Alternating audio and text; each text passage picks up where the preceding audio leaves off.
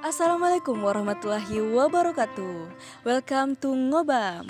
Kembali lagi bersama kami dari Himpunan Mahasiswa Jurusan Manajemen. Masih ingatkan dengan Ngobam Part 1? Nah, untuk kali ini para pendengar setia Ngobam spesial edisi Ramadan Kita bakalan dengerin kultum dari salah satu narasumber dari Himpunan Mahasiswa Jurusan Manajemen. Narasumber kali ini merupakan pembuka untuk kultum-kultum selanjutnya. Oke, sebelum itu saya akan memperkenalkan biografi beliau. Nama Muhammad Alwan, alamat Jalan Almarkas Makassar. Beliau alumni dari Pondok Pesantren An-Nahda Makassar, juga dari SMA IT Ibnu Sina Makassar. Itulah tadi biografi dari beliau. Selanjutnya mari kita dengarkan kultum dari beliau. Baik, terima kasih. Bismillahirrahmanirrahim. Assalamualaikum warahmatullahi wabarakatuh. Alhamdulillah, alhamdulillahi rabbil alamin. Assalatu wassalamu ala asrafil anbiya'i wal mursalin Sayyidina Muhammadin wa ala alihi wa sahbihi ajmain amma ba'd Tiada kata yang pantas kita ucapkan selain kata Alhamdulillah atas segala nikmatnya yang Allah limpahkan kepada kita semua. Kita puasa pada hari ini juga tak lain dan tak bukan hanyalah semata karena nikmat Allah Subhanahu wa taala.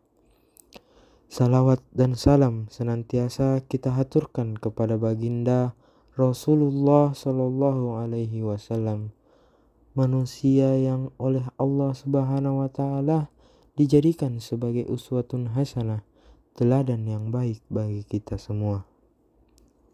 Adapun Judul ceramah yang insya Allah saya bawakan atau saya sampaikan pada hari ini adalah syarat diterimanya sebuah amal. Dalam surah Al-Mulk, Allah mengingatkan kepada seluruh hambanya bahwa tujuan diciptakannya kematian dan kehidupan adalah sebagai ujian bagi makhluk, khususnya manusia. Siapa di antara mereka yang memiliki amalan yang terbaik? Allazi khalaqal mauta wal hayata liyabluwakum ayyukum ahsanu amala. Pertanyaannya adalah apa yang dimaksud amalan yang terbaik? Seorang ulama yang bernama Fudail bin Iyad menyatakan bahwa sebuah amalan disebut terbaik dan diterima oleh Allah Subhanahu wa taala jika menemui dua unsur. Unsur yang pertama adalah ikhlas. Sebuah amalan dikatakan ikhlas jikalau dilakukan karena Allah Subhanahu wa taala semata, tidak mengharap pujian atau balasan dari selain Allah. Allah Subhanahu wa taala berfirman dalam Quran surah Al-Kahfi yang artinya maka barang siapa yang mengharap pertemuan dengan Tuhannya maka hendaklah dia mengerjakan kebajikan dan janganlah dia mempersekutukan dengan sesuatu pun dalam beribadah kepada Tuhannya. Namun demikian, ikhlas dalam beramal membebaskan diri dari sifatnya sifat riak sum'ah, dan ujub memang lebih mudah dikatakan daripada dipraktekkan.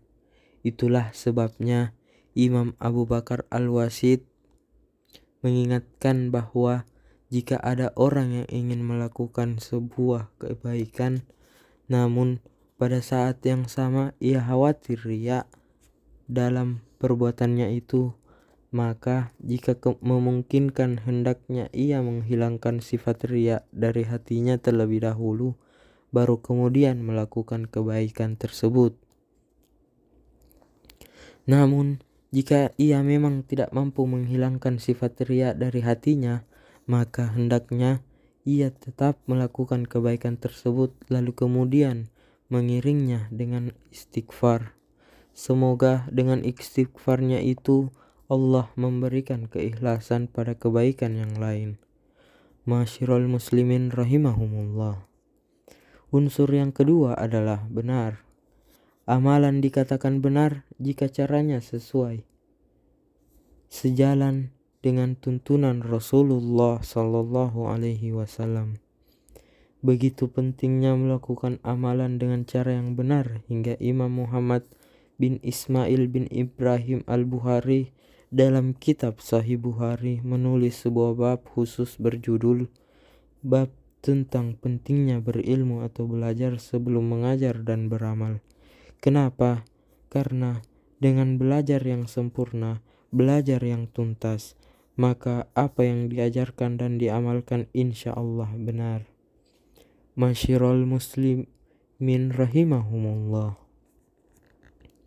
Semoga apa yang saya sampaikan ini bermanfaat bagi kita semua, terutama bagi saya sendiri.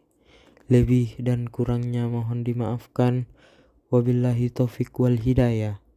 Wallahul hadi ila siratil mustaqim. Assalamualaikum warahmatullahi wabarakatuh. Itulah tadi kultum dari beliau, sangat banyak ya pengajaran, manfaat dan ilmu yang bisa kita dapatkan dari kultum tersebut. Semoga ke depannya bisa menjadikan kita manusia yang lebih baik lagi. Sampai di sini ngobam untuk part ini. Sampai jumpa di ngobam part selanjutnya. Jangan bosan ya untuk mendengarkan. Assalamualaikum warahmatullahi wabarakatuh.